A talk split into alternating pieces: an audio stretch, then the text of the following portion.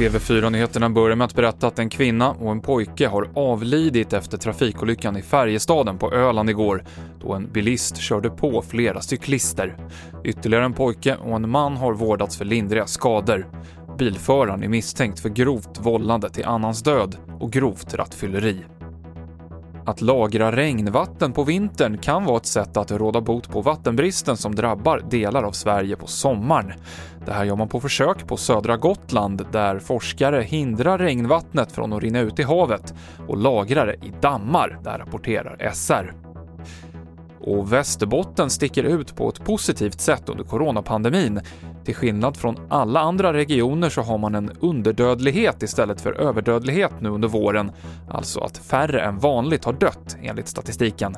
En överläkare i Umeå pekar ut flera skäl till att man haft en bra strategi i Västerbotten, som att man smittspårat alla som testat positivt för covid-19 och att vårdpersonal använt skyddsutrustning från coronautbrottets början.